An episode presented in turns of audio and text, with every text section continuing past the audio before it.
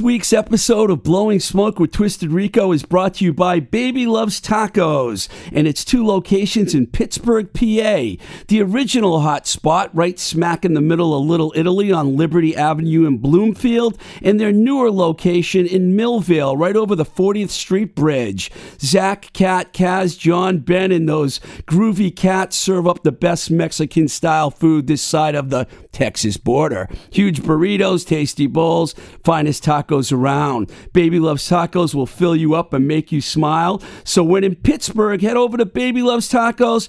Tell them Twisted Rico sent you. Baby Loves Tacos, where everybody eats. Before we bring our very special guest, Doug Carrion, on onto the show, let's listen to a track from the brand new Field Day album, Opposite Land. This one is called Waiting for a Miracle.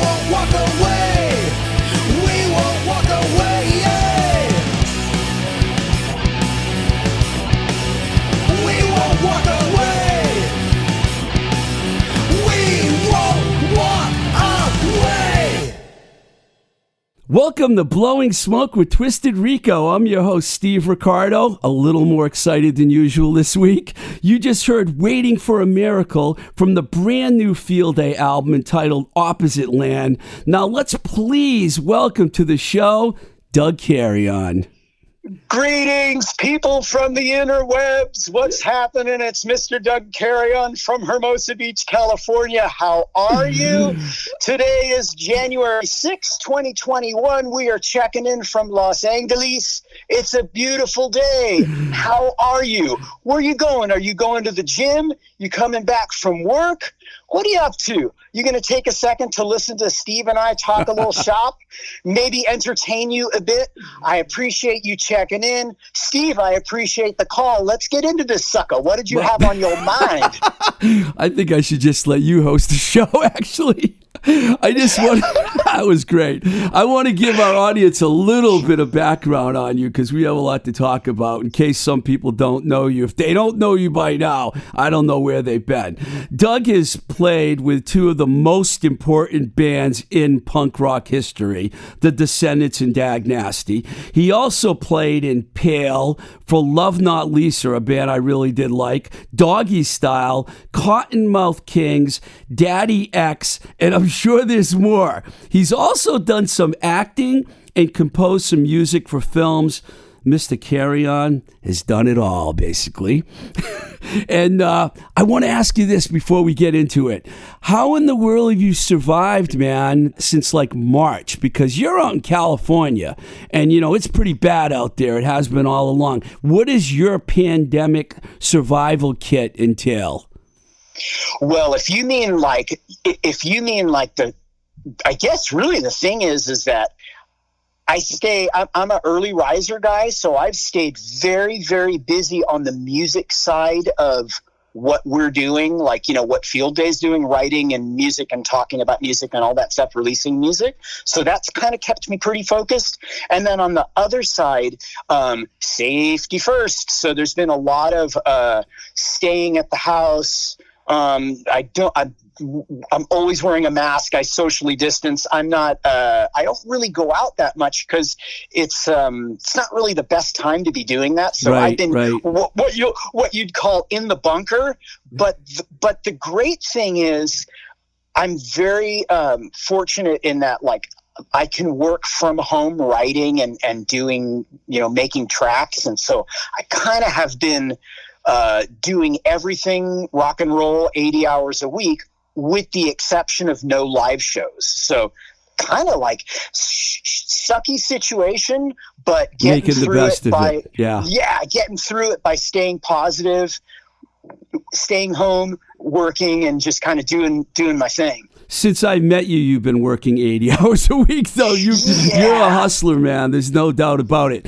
Before we get into the Descendents, uh, I want you to just basically lead us up to that point. How did you get from point A, being a young rocker, to you're joining one of the coolest bands in Southern California? Right. So, Descendents, I'm from Hermosa Beach, California. Okay. So, I, I'm from this teeny one mile grid, home of Black Flag, Yep. The Descendents, Circle Jerks, Pennywise. What's What's unique is I have a connection to all four of those bands. That's bizarre. It's very strange. How it came about is um, as I was going through my, you know, you know youngish life and listening to a ton of jazz and stuff like that i started learning a little bit more about punk rock. As i started learning a little bit more about punk rock when i was maybe pretty pretty freaking young maybe about like 14 or Yeah. so i was given an acoustic guitar and started playing and started clunking out ramones songs. Just kept going. Eventually when i was in high school i had met bill and i had met Stevenson, Milo. Bill Stevenson. Yeah. Yep. So so Bill Stevenson and Milo are a couple of grades above me, and I met them through Mira Costa, and as I kind of like you know moving forward on the clock, like I don't know, maybe maybe I'm like 19 or so. I was already playing in bands, and Bill was in Black Flag. And he and I kind of met. I was working at this drugstore, which would be like think like a CVS, something like a Walgreens. Okay. I was working at I was working at this drugstore, and he would come in to get tour supplies. And as it turns out, we just kind of connected that way and remained friendly because Hermosa Beach is a very small town. It's a very very small right. town. I I had seen the Descendents. Descendents were like the local band, uh, one of the local bands that were incre- incredible. So I had while I was maybe like I don't know, a sophomore in high school, I would see them play punk shows, and they're freaking phenomenal. So you figure a few years later, by the time I'm out of high school, it was uh, like, wow, you know, running into Bill was amazing because he was already touring nationally, touring internationally with Black Flag. As it turns out, he was starting to slow down his tenure, I guess, with Black Flag, and he was going to reboot the Descendents. Tony, the bass player, didn't have the ability to tour. So Bill was like, "Oh shoot, I'm going to reach out to Doug." And that kind of started it. Wow, that, this that is- kind of started This it. is funny because you and I are connected in so many ways. When I moved to California in 1984, I lived right on the Lawndale, Hermosa, uh, Redondo, where the Del Amo Mall was around that Sure. area. So I was in Hermosa Beach all the time. And the reason I moved there is because I wanted to get a job at either Enigma or SST. And it ended up being Enigma Records. And the way that I got involved with the Descendents is this is a really good story. One day, the one of the owners of the company, Wes Hein, calls me. He said, "Steve, this guy named Mike's going to come in. He's going to." Uh, He's going to come in. I'm going to give you a yellow line piece of paper, and you guys are going to make a deal. He doesn't want to do a contract. He just wants to do a deal. It's for the Descendents Enjoy record. So I'm like, this is interesting. Okay. So I'm sitting there, and they Mike's here. All of a sudden, I look up, and it's Mike Watt, and I'm like holy shit, you're Mike Watt. Because I'd already seen the, the Minutemen a few times. And we did that deal. We signed the piece of paper, and that's how we ended up distributing the Enjoy record, which, by the way, is still one of my all time favorite records. You know, you guys did that great Beach Boys cover, and uh, when I get the time, you know that song, Sure. that album was brilliant. You must have had a Thank you. blast making that record. Well, the record itself, the record itself was recorded twice. So Really? um, Descendents, yeah. So Descendents was Descendents through and through a live band and through and through phenomenal songwriters across the board. Bill, great songwriter. Uh, Milo, great songwriter. Carl Stefan, great songwriter. Everybody involved in the in the organization from Tony, great songwriter. All Frank, great songwriter. Right. All the way back to now, um, are incredible songwriters. For Enjoy, what what happened was we had written a bunch of songs and we were shedding the songs and we went in and we recorded it uh, at Radio Tokyo with Richard Andrews and Radio Tokyo was Legendary Ethan- place. Yeah. right in Venice. So Ethan James, who was the guy in Blue Cheer, Yeah. this is Yeah. weird. He started his own very small studio on Abbott Kinney. It's small, like it was like a house converted into a studio. We went in there, we blasted through the songs, and for whatever reason, Bill, who usually takes the product takes charge and is driving the ship production wise, Bill wasn't really loving the I guess you could say the energy of the tracks. Mhm. And so we went back so we went back out on the road and toured those songs and came back and recorded basic tracks a second time. I didn't know so that. actually yes, actually recorded twice. So sometimes like again, you know, in the bootleggy world, you sometimes think see things called like there's songs called Doug rides a skateboard, Ace, Right. songs that you're you're like, where what are these things? They're not on the Enjoy record, but they're from that like a snapshot of that kind of like you know year you know of, of trying to tr- figure out the best way to track those songs. That's kind of that's kind of it. I mean like again very spazzy funny guys you know what i mean? Very spazzy funny guys. And that's the um that's the scoop. That's That's that's, how that went down. That's fantastic. And the story has it that uh, the Descendents uh, went on tour with Dag Nasty, and that's how you met Brian Baker.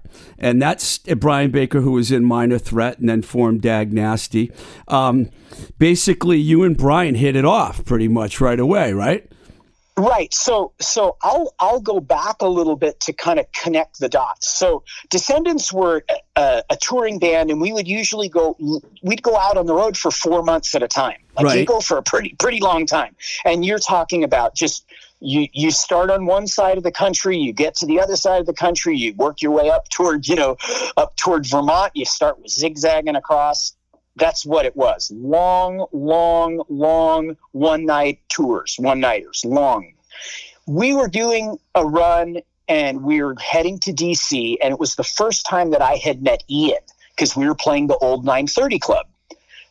Fun, great to meet Ian. Ian MacKaye, Dischord. fanta- like fantastic icon, legendary, one of the most honest mofos in the Mhm. world. He and Jeff like what they do even to this day i still get paid from dag nasty on a handshake deal so Wow. ian, ian is a freaking ninja like just the the best the best like through and through the best so the second time descendents go back through and we're playing the 930 club again i get to see brian. And i i, I didn't know the guy from i didn't had never met him before. I get to see his band dag nasty and he's got shawn okay? Shawn So Brown. you go you got shawn brown. You go great. So the band was cool. It was this very interesting uh, almost like um, an extension of where minor threat had left off but the guitars were a little bit more complex. Mhm. pretty interesting. Really really cool. So i meet brian. He's a very very nice guy. Again you know it's i'm just being introduced to the guy. How much how much time can you spend with somebody in one night in a loud bar? You go "Whoa." Right. so as it turns out descendents are getting ready to go back out and do another run of dates and this time we're going to be up toward the like the buffalo canada toronto area. And brian brings out dave smalley. So he has his second singer. It's like okay dave is a fantastic guy fantastic singer brings dave's uh, lens and spin on the project. It's great okay, nice to meet you, Brian. Blah, blah, blah. And I think on that run, we might have done like seven dates, eight dates, 10 dates, something like that. Pretty quick. Uh-huh. Boom. Now we're into the following summer. Descendents are getting ready to go back out again. And I think Dag Nasty is going to come out for 25 dates, 30 dates, something like that. So Descendents are going to be out for four months, and Dag is going to jump on at a certain point and jump off. When they jump on the tour, as Brian rolls up, he's got yet another singer, and it's Peter Peter Cortner. So I was, I guess you could say, in the sweet spot before I even joined the band, where I got to see him play with all three singers. Oh my And God. That That's kind cool. of that long that long Descendents tour was really the time where Brian and I got to know each other and talk shop and um, really appreciated what each one had skill set wise. Uh, and that kind of is really where, where like that uh, friendship and collaboration started was on the road. I didn't realize that Peter Cortner was you saw Peter before you were in the band. I didn't even know that, and I thought I was Yes. like such a huge. And- Dag Nasty's a complicated band. There's been so many changes and things, you know, Yeah. with the three singers. But And what's that's go ahead. What's amazing is that I'm sorry to cut you off. What's amazing is that out of all of them, Peter is the most. Um, I think the word's going to be stoic. He's he's the most stoic of the three. We're like Dave, you'd be like, you know, he might sit and be able to talk shop, and and you know, he has a little bit more of a um, uh, maybe like a social gait as does Shawn. Has Shawn Brown has a more of a social cadence and gait. And it's not to say that Peter doesn't but Peter is a guy that like is a, a man of very few words would prefer to hang out in the van reading right. as opposed to be like he's not going to be like i'm in the club i'm partying where's the girls like that's not that guy at all like he's a uh, he's he's a guy that's like you know in the he's in the van like reading and and you know you know illustrating and doodling in a book and writing words and you'd have to go on the van and knock on the door and be like dude we're on in 15 minutes like come on out Yeah, there's a there's a big difference between Smalley and Cortner. See, Smalley's an original Boston crew guy, you know, DYS. So we we know I know I've known Dave for a long time. You know, he's him and Peter couldn't be more different. They're like they're really different. But I like what Peter brought to the band. And you, when you guys made the Wig Out record, this might surprise you because, as we're going to talk about in a little while, I put out a couple Dag Nasty records, but believe it or not, Wig Out at Denko's is my favorite Dag Nasty record. When I heard that record the first time, I was like completely blown away. I thought that the the, the combination of people in the band was like perfect. It was like a perfect combination. So that record is coming out isn't even out yet. And I get a phone call from Mike Gitter, right? Because he knew about Giant Records. I had uh, government issue, and I was getting ready to like. I wanted to sign all these bands, and I was trying to figure out who to sign first. And Gitter calls me up, and he tells me, Dag Nasty's looking to move on from Dischord Records, and he told me that I should you know, give you a call. And he gave me your number. Like, I was really nervous. In fact, I called Ian up at Dischord and I said, I'm going to start talking to Dag Nasty. There's not going to be any issues or anything with about this with us. And he's like, "No, they want to move on. I'm 100% behind it. I recorded their first two records. They want to do something different." And so that's when I called you and why don't you tell me your perspective of what happened after that? so so I guess you know Ian and and I don't say in a negative way in a positive way Ian has his own way of doing records and not to go too far down into the weeds on the the mechanics of the record industry but he's an independent guy with incredibly high ethics like high Uh-huh. ethics. Very high. uh, they're a very you know they have limited budgets. So he's the first person to tell you like we're not going to take out a full page ad in village voice. Like you're you're on crack. Like that's never going to happen. We take out our ads in these magazines and when you're the featured record you're in the top spot and then you move into a, a you know a certain section on the ad and keep in mind, you're talking the dinosaur days when uh, there wasn't the internet. And in order to learn about bands, you had to either, especially for underground bands, you had to learn about them through other bands, live shows, fanzines. Yeah, to put it in perspective for the listeners, we're talking about 86, 87 right now. Right. So, I mean, this is pre cell phones. This is like Right. just this is so far back on the clock that you know you you might it's like what do you, what do you mean like how how did you learn about bands you went to the stores and and things like that so dag nasty at the time was at a place where we knew what we knew how far dischord's arms reached.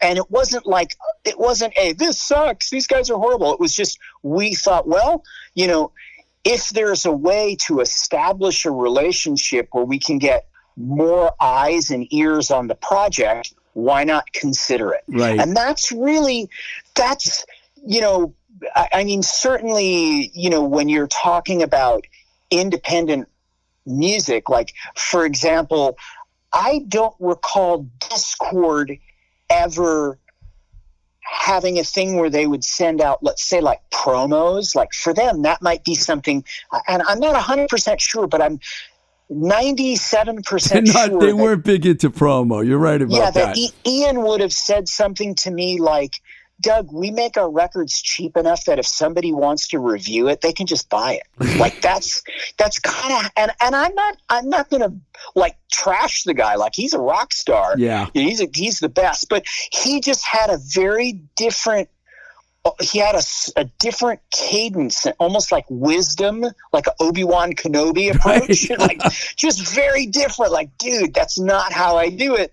And he wasn't like he wouldn't point a finger at you saying that you were wrong for wanting those things. He just had his own lane of the way he did it, and that was their way. Yeah. So that's kind of what started the conversations of um, Moving away. you, move. Yeah. yeah, I, even if you want to, I mean, I don't what- know. You know, I did you. I don't know why Gitter.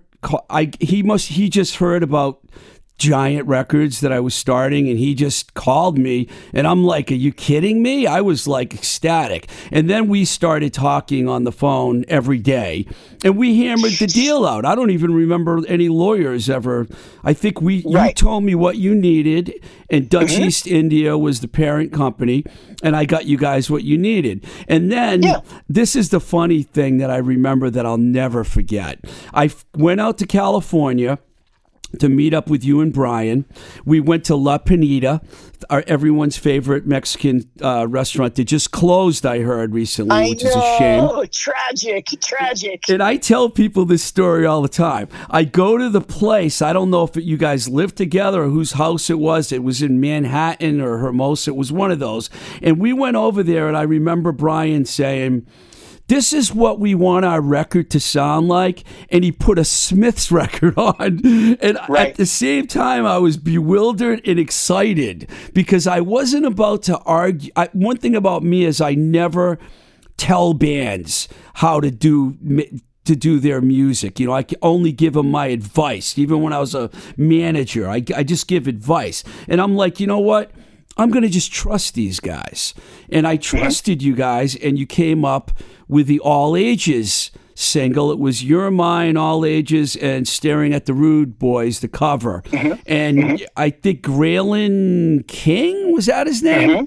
Yes. What do you recall from? Let's go all the way back to when I came out there. Did I remember that correctly? You, you you are remembering it correctly, but what's amazing is that to uh, I guess focus a little bit more uh, attention on that is I'm not sure if Brian meant the Smiths or if Brian meant how Johnny Marr was playing. So I'm not quite sure that, and I think that we, you know, He meant the guitar sound. I wasn't clear. Yeah, he yeah. meant the guitar sound. Yeah, he didn't Yeah, want you so to. He didn't want Peter to sing like Morrissey. He was talking about fact- the guitar. You're right. Right. Yes. In, yeah. In fact, Peter would have hit you with a book if it was like like Peter at that time. Peter was very vocal how much he did not like the Smiths. Like he hated that band. But but Brian and I, even when we were living in D.C., as we were as we were working on um, Wig Out, we were also following what Johnny Marr was doing on guitar, and and Interesting. this this idea of being able to tie one element, which was this um, almost jangly, damned, picky guitar playing, and and I can give you a couple of references, but there's like that just in general. But then having this very very straight bass line. So the bass line is let's say like the Cure or like Joy Division, very straight right. and the guitar player the guitar is very picky and ringy open notes and ringy over the top and then how peter's going to lay in his vocal is a little bit more subtle as opposed to blaring screaming at the top of your your the top of your throat but what's amazing is if you look at what we turned in for all ages show It wasn't me, that. to- it was not that, brother. Right. That sounds more like I don't know if you want to call it metal, but it sounds more a lot. That thing sounds closer to metal than it does closer Well, to you, I saw in an interview where you said you thought your mind was kind of like poison. It was more like Bon Jovi in my mind. Oh, it oh, was Oh, okay. like it was really a hard rock song. I was shocked when I heard it, but I I liked it. I liked it. Yeah, and that was, you know, the that it's funny because that initial riff was uh the initial riff was kind of built out of a Doug bass part that we shedded the first time we met with Scott Garrett. So Who became the drummer after Colin Sears Yeah, left? Yeah, I'm just right, filling in the blanks. So we're yeah so we were kind of like again you know when, when you're when you're looking ahead and not sure i don't i'm sure you can remember that at that time there were a lot of bands that were starting to cross over Yes. into the thrashier, more metally side of things. Um, and I don't, and I and I could only assume that we were trying to figure out, you know, is it better for us to, you know, lean on this side of the line or lean on that side of the line? And you're kind of influenced by things, you know, you're kind of influenced by things that are that are coming out at the same time Right. you know so that's that's really where we you know that's really where we were when the all ages when the all- the thing that i learned about doing the all ages show 7 inch was that we ended up spending a certain amount of money that would have blown our full length budget right out the window. So we did that recording. And we, you know, when we got to the end, you know, we're satisfied with the results. For my ear, me personally, it was a little bit. I'm, I'm not going to say too polished, but maybe one click too close to metal. But I, But the, the B side, though, with All Ages Show and Staring at the Rude Boys, was more punk. So you kind of had one side of the record that was a was hard rock, but you kind of stuck to the punk roots on the B side. and, and, and one would have one would think that like all ages show would have been the lead off song like you would think that's Yeah. the case but um and i can only say in you know a, a gazillion decades later when we go to a show people are like hey play all ages show. That's the one they want to hear. So that's just what you know that's just what it is. But that was that that session was a very valuable learning experience because it kind of laid the foundation for what became the field day full length where we opted to go into a slightly smaller studio but to allow ourselves more time When I first heard Field Day, I was like blown away. I, I mean, I was like, I know that there's people out there that love it and there's uh-huh. some that hate it. but to me, I mean, that record sold.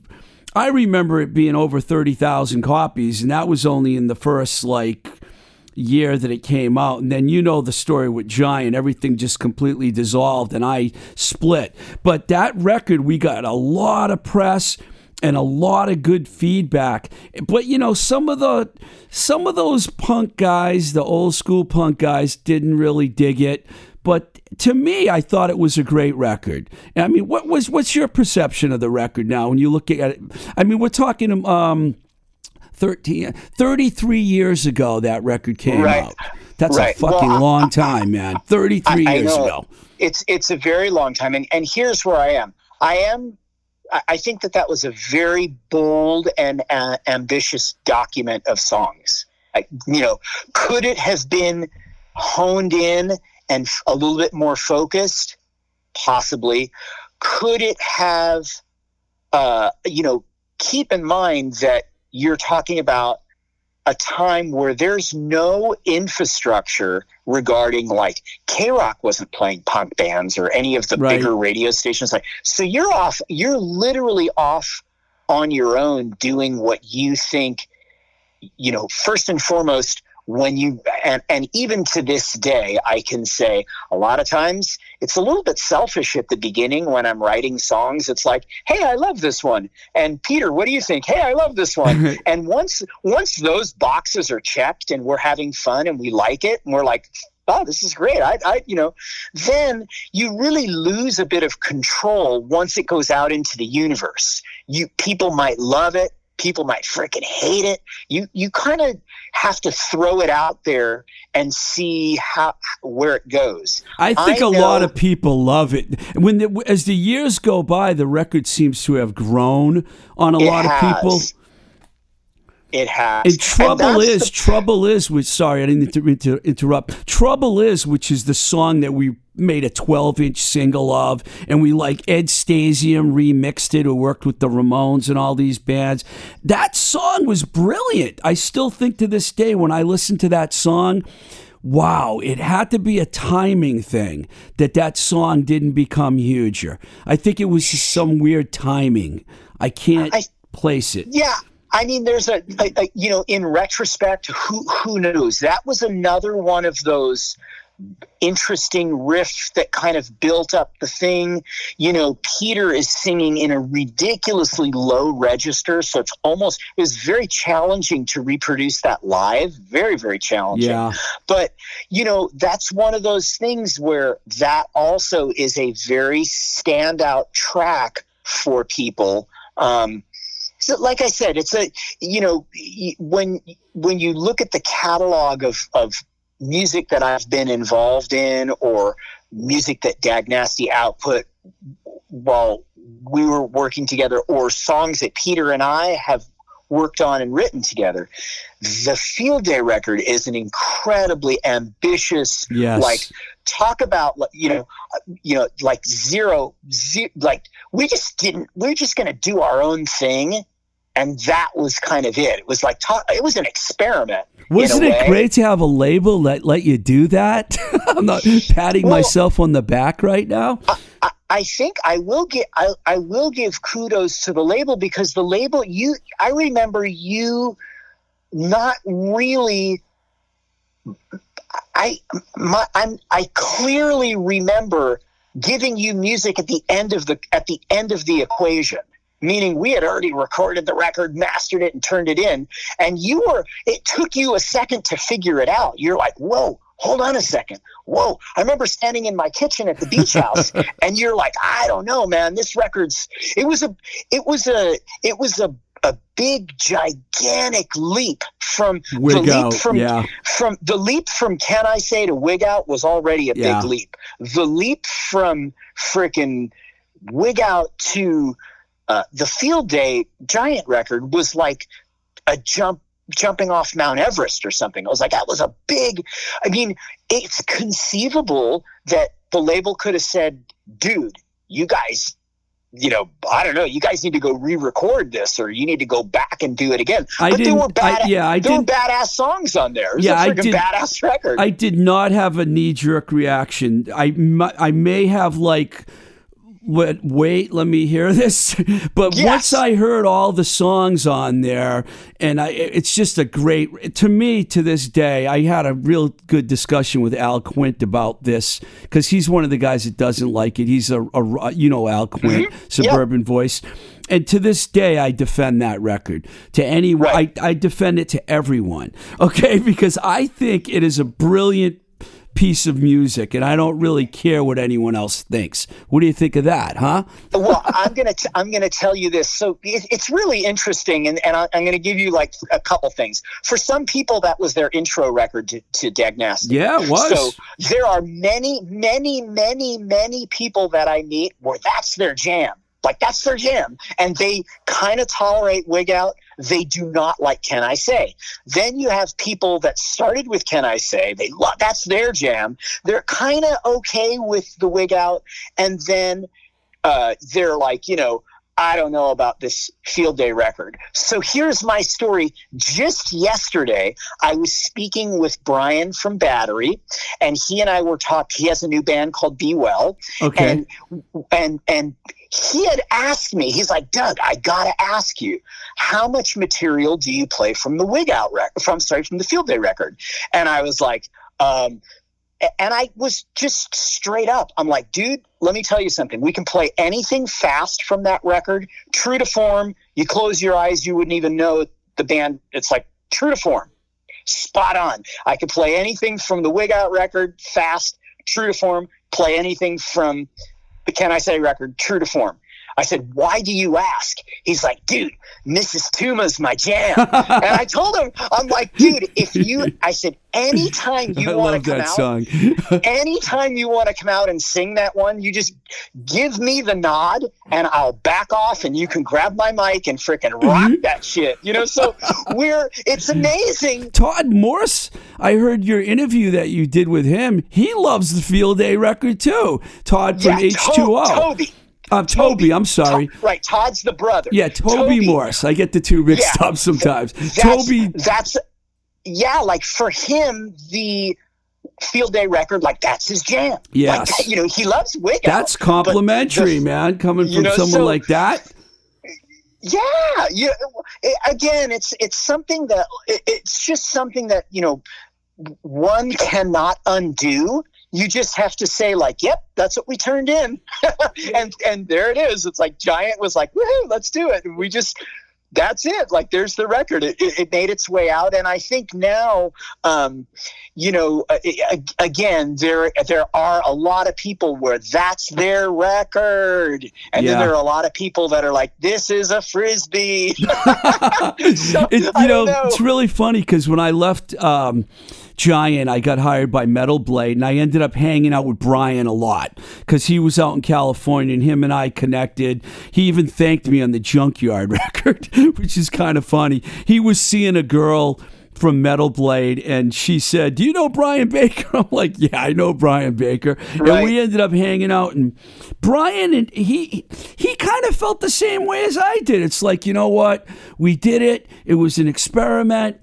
Some people love it. Some people don't like it. It's not the end of the world. The only problem was that the guy that owned Dutch East India was kind of a criminal and he disappeared off the face of the earth and nobody knew who mm-hmm. the masters were or anything. And it turned into a disaster at that point because mm-hmm. that record is not even on Spotify which is sinful mm-hmm. since so many people love it you know? Well, you know what's what's amazing? I'm gonna I'm gonna look at this conversation from ten thousand feet above the earth and say, here we are, thirty three freaking years later, talking about that thing. yeah It's like that has to mean something. it Yeah, it, to mean it had to mean something to you because this is a great segue because here you were all these years later and you and Peter get back together and what's the name of the band? Field Day. But before we get into that, I want to ask you because I read what Brian said about it in a magazine. I don't have the quote, but he seemed to be supportive of it. But was there ever a point where Brian was almost part of the project with you and Peter? Well, it's kind of. Uh, I- I'm going to say there is a little bit of a yes to that, but it ended up that. I- I'm going to move all the way back to I, 2018. I mean, I know he has bad religion, and bad religion is his main thing, but Right. he was involved with writing those songs too. I mean, did you guys all write together?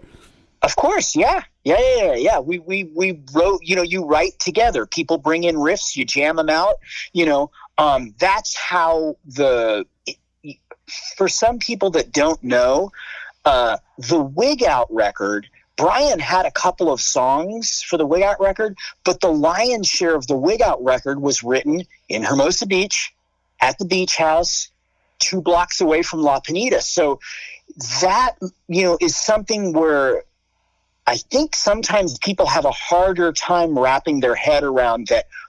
At that time, Dag Nasty was bicoastal, but to move to where we are now. So in 2018, Brian and I have a conversation, and Peter and I have a conversation, and we're discussing. Was it your idea? Was it your idea?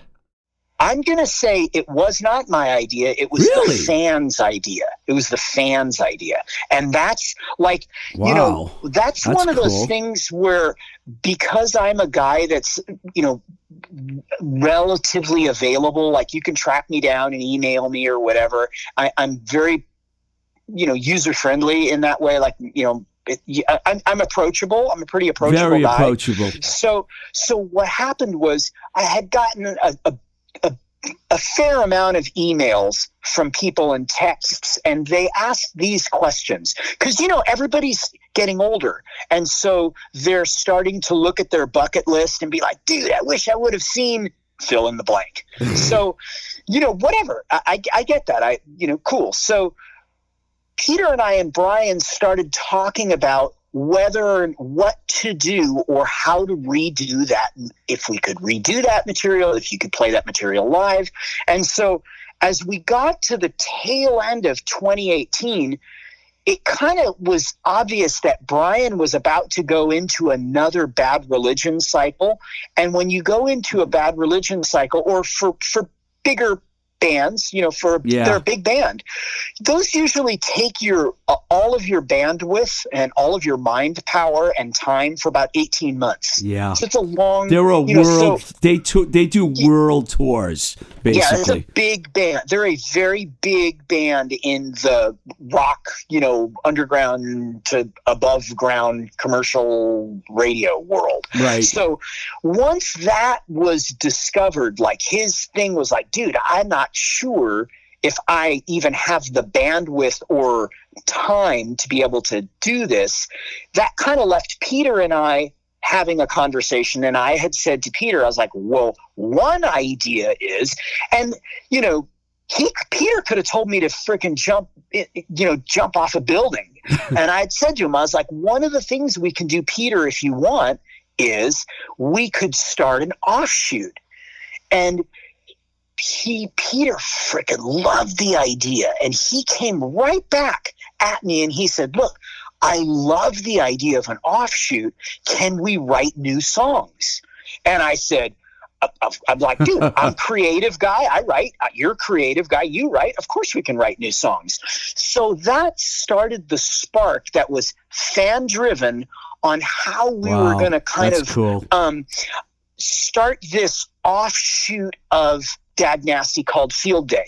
We we broke it into two phases, if you will. Phase one, we were going to go out and do 20, 40 shows in the United States, and we were going to focus on the first three records. Can I say Wig Out at Denko's Field Day? And we were going to see you know, do people like it? Do people hate it? Are they throwing bottles out at us? Do they want to see it? You know, we don't know. So we go out there, there's positive response. They loved it. He, yeah, yeah. Eh, Well, there is a there is a you know You know who didn't love it? You know who didn't love it? Me, because your show at Once Ballroom here in Somerville, where I am, got canceled because of the I pandemic. know, I know, and and the thing is, is like we're gonna make good on it, and we're gonna do we're gonna do what we do. Like we're gonna do it.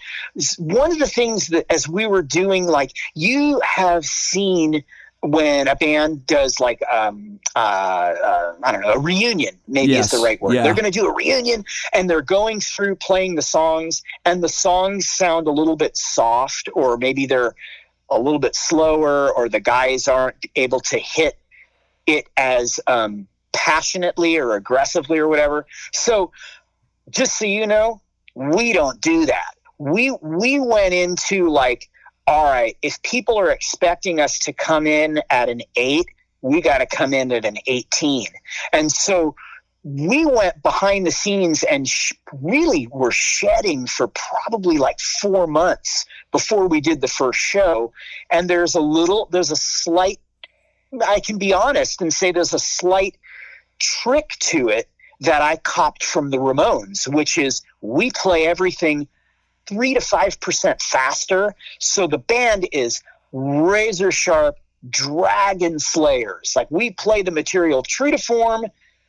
If you close your eyes, it sounds just like the records, the live version, and it's slightly faster in order to It was Um, punk rock, man. I saw a lot of the videos. Fudge. Very It's- punk it's, rock. It's it's on point. So that's kind of where we are. So we did this round of shows, boom, and and then it really became time for us to get into the writing aspect. Now we knew if we just did the three first three records, wasn't really going to have a long shelf life. So that's one part. The other thing is that that's not really what Peter and I had set out to do. We didn't want to do that. We wanted to write new songs. We want to work together and write songs, new songs. So when we came to the tail end of 2019, we were doing some shows in Dallas and Austin. We finished up these shows. Field Day was planning on taking a month long break. So we were going to break from the 15th of uh, uh, December, and then in the 15th of January 2020, we were going to, we had some shows at the end of the month, but we were going to come back and kind of start rehearsing again and get ready for shows. I didn't take a break. I kind of went right into demos, started writing, started writing, started writing, looped in Peter. He and I started doing demos back and forth, back and forth. He lives in Philly. I live in Los Angeles. We use the internet to collaborate and work on things. By the time we got to the last round of shows in February, we were ready to start recording. We started recording again, and we did a seven inch that came out in June of 2020. called Searching for the answer, right? Y- yeah. So Yeah. searching for right, searching for the answer, and we are the change. And it came out. Um, it's called Field Day 2.0. Came out on a German label, so it's a German import into the states.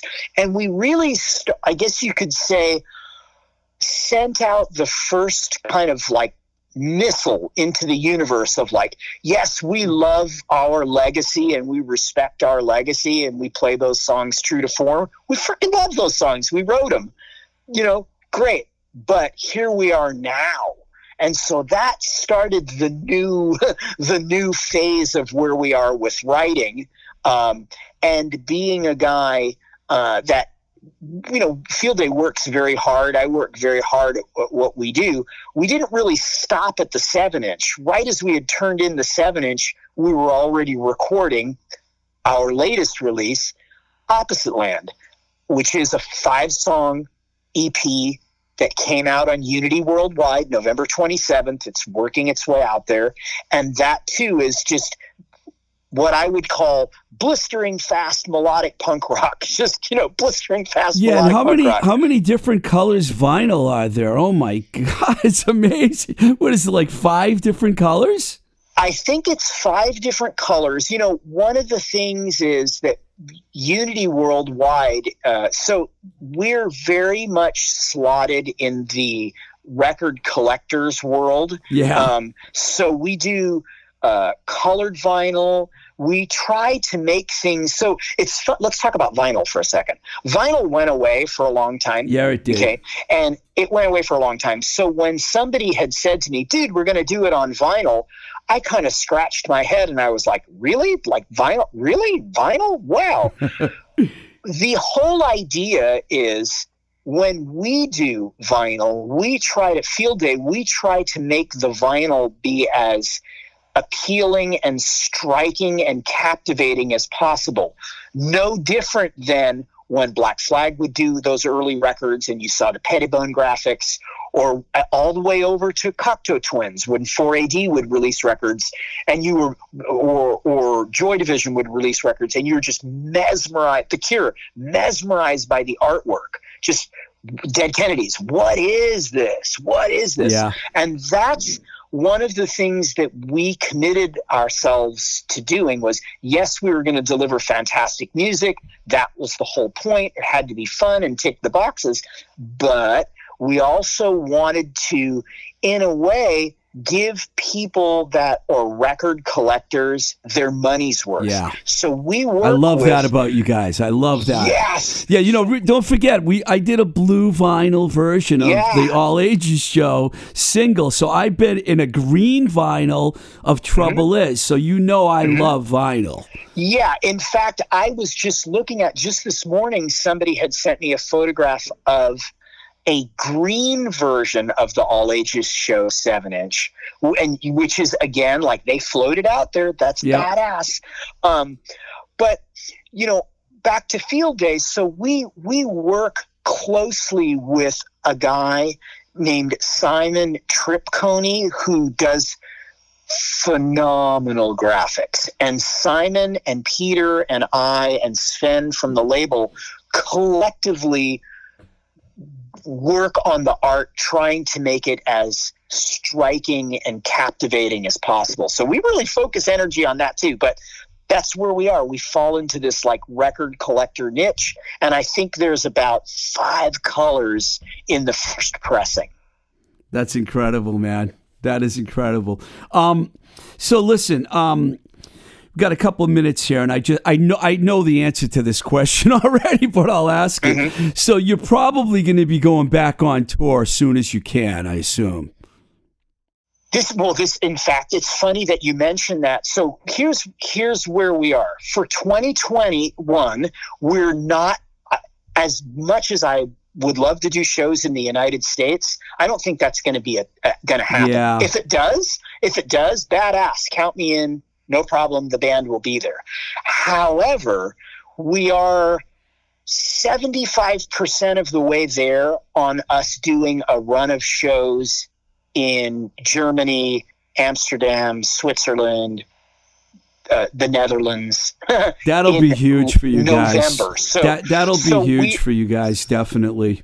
yeah, so so we are, you know, we are focusing on if the opportunity presents itself and you know that's a gigantic subject but yes we want to do shows and we're going to try to sneak some shows in over in Europe at the tail end of November. I'm sorry, the tail end of October, early November.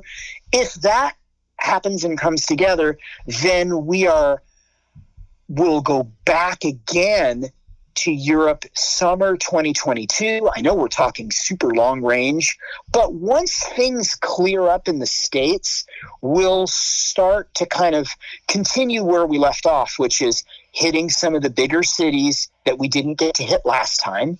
Boston. And then yeah, so we're gonna we're gonna go back to Boston. We never we never got to properly do a New York City show. So there's some there's some areas that we we kind of need we didn't get to do Detroit. You know, there's some areas that we kind of need to to to to do and we're Absolutely. good you know we're gonna get to it but we're um it's just the the the studio band is moving you know a mile a minute. The live band is just on pause like everybody beyond everybody's control. We're just riding it out watching what's going on. We send our anybody that's lost a family member or something like that our hearts go out to them a brother an uncle a cousin a coworker it's, we're in a weird wacky time. Yeah, we are. um and and we i can say for for me and for the band like we think things will get better in the future and we are definitely going to keep going. And if everybody could just wear a mask stay positive socially distance do their thing try to stay healthy we'll get to the other side of this uh tragedy and kind of crisis and do shows. And we'll freaking we'll we'll play all ages show and you guys can come sing it. You know come sing it You know, it's time to go, but I got to say, Doug Carrion, always one of the most positive people I've ever known in this business. Your vibe is always right on. You're true to your word. You're honest. You work hard. And I can do nothing but wish you, and Peter too. I love you guys, man. And I wish you, you. Tremendous success. And I want to thank you very much for coming on the podcast today. And it was totally my pleasure, 100%, man. Oh, thanks, thanks a million. I appreciate you having uh, having me out, sending love right back. Appreciate the call. We're gonna hopefully the next time I see you, we'll be in Boston. Yeah, we're You know, going to we'll- see we'll- each other at a show. I've Yeah. got to see you guys live. It's been too long. But for sure. take care of yourself, man, out in California, and we'll talk soon, all right? Okay, brother. Thank you for the call. Be safe. Take care, Doug. Okay, peace. Okay. I knew that if I had Doug Carrion on the show that I would just I could sit back and relax and let him just do most of the talking. So that was really good because I really sincerely mean that about Doug. He is a, a hard worker. He's a great musician. And I think the fact that these guys got back together and did this field day project, it made me so happy. And I know it made so many people happy, especially young kids that were too young to see the band, Dag Nasty. Just so we're not confused. Brian Baker, Shawn Brown, Colin Sears, they're out there now and they're like they're touring they, they they're not now but they were touring as dag nasty. So there could be a little confusion. There is still a dag nasty. It's just different members. It's and you know there were there's been a few different members in the band. So i know how some people could have possibly got confused by that. But um field day is like the wig out the Field Day album, and now they got this new record. And I'm really happy that Doug did the show. All right. so, you know, as I tell you every week, it's really important that we continue to support all the independent and mom and pop stores. I feel like my list is never long enough, you know, but these are people I know that run places like Baby Loves Tacos in Pittsburgh, and GLS Design in Leicester, in the Moonbeam Cafe in Oakmont, PA, in the Dark Horse Pub right here in Somerville, in the Record Archive in Rochester, New York, you know, um, Diesel Cafe in Davis Square, Somerville, you know, the Book Lovers Gourmet in Webster, Mass. And I could go on and on. But these people need us right now. It's not getting any better out there, as Doug mentioned. They don't even think they can go on tour until 2022. So we've got a lot of work to do. So please continue to support these fine establishments because they need you more than ever.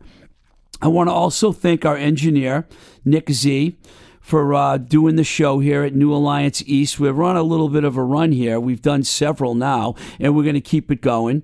And I want to make a point again this week to thank everyone who contributes on our on our Patreon account, which is patreon.com forward slash twisted rico. Uh, for a little as one dollar a month, you can support this show, and we need your support. So I'm not going to get on my hands and knees and beg, but I promise you this: we are going to continue to bring amazing guests like Doug Carrion and Jack O'Neill, who was here last week. And wait till you hear this. Next week, we got Tom Lyle, guitarist of Government Issue, one of America's greatest punk bands ever. They are a they're a, you want to talk great bands, bands that were influential and inspired bands. Government Issue from Washington, D.C. is right at the top of that list. They were right there with Minor Threat and those other D.C. bands. And we also got down the road, I've got a cool new band coming on in February called Bait Bag. It's three girls from North Haven Island off the coast of Maine, and they have a serious buzz going. So, I mean, and there's plenty of other people that I'm talking to right now about coming on the show. So, this is gonna, this is not, we're not going anywhere. Blowing smoke with Twisted Rico, we're not going anywhere. We're gonna be here in the in the words of Freddie Mercury, till we fucking bloody well die. I'm sure of it. I think I got Freddie's quote right there, right from the beginning to the end. So please contact me at twistedrico at gmail.com. Questions, ideas, response, criticism. I've already been told that I say wow, man, and fantastic too much. So I didn't count how many times I said wow, man, or fantastic. Dave Spaz, bass player of the Liars, is the one that told me that. but he's my friend. So he told me not to throw him under the bus, and I just did. So, anyways, our Instagram page now is at Blowing Smoke with TR, and there's a Facebook page, and there's also Twitter at Blowing Smoke BS. And, you know, just email me, write me, whatever. I appreciate it. This is Blowing Smoke with Twisted Rico. I'm your host, Steve Ricardo. Till the next time we say goodbye. And by the way, our theme song is The Charms. So pretty, and you're going to be hearing that about in about two seconds. And thank you, by the way, to the Charms. 68 shows deep. We're not changing our theme song. Till the next time we say goodbye, keep the rock and roll alive. And yes, we love you, Busy Phillips.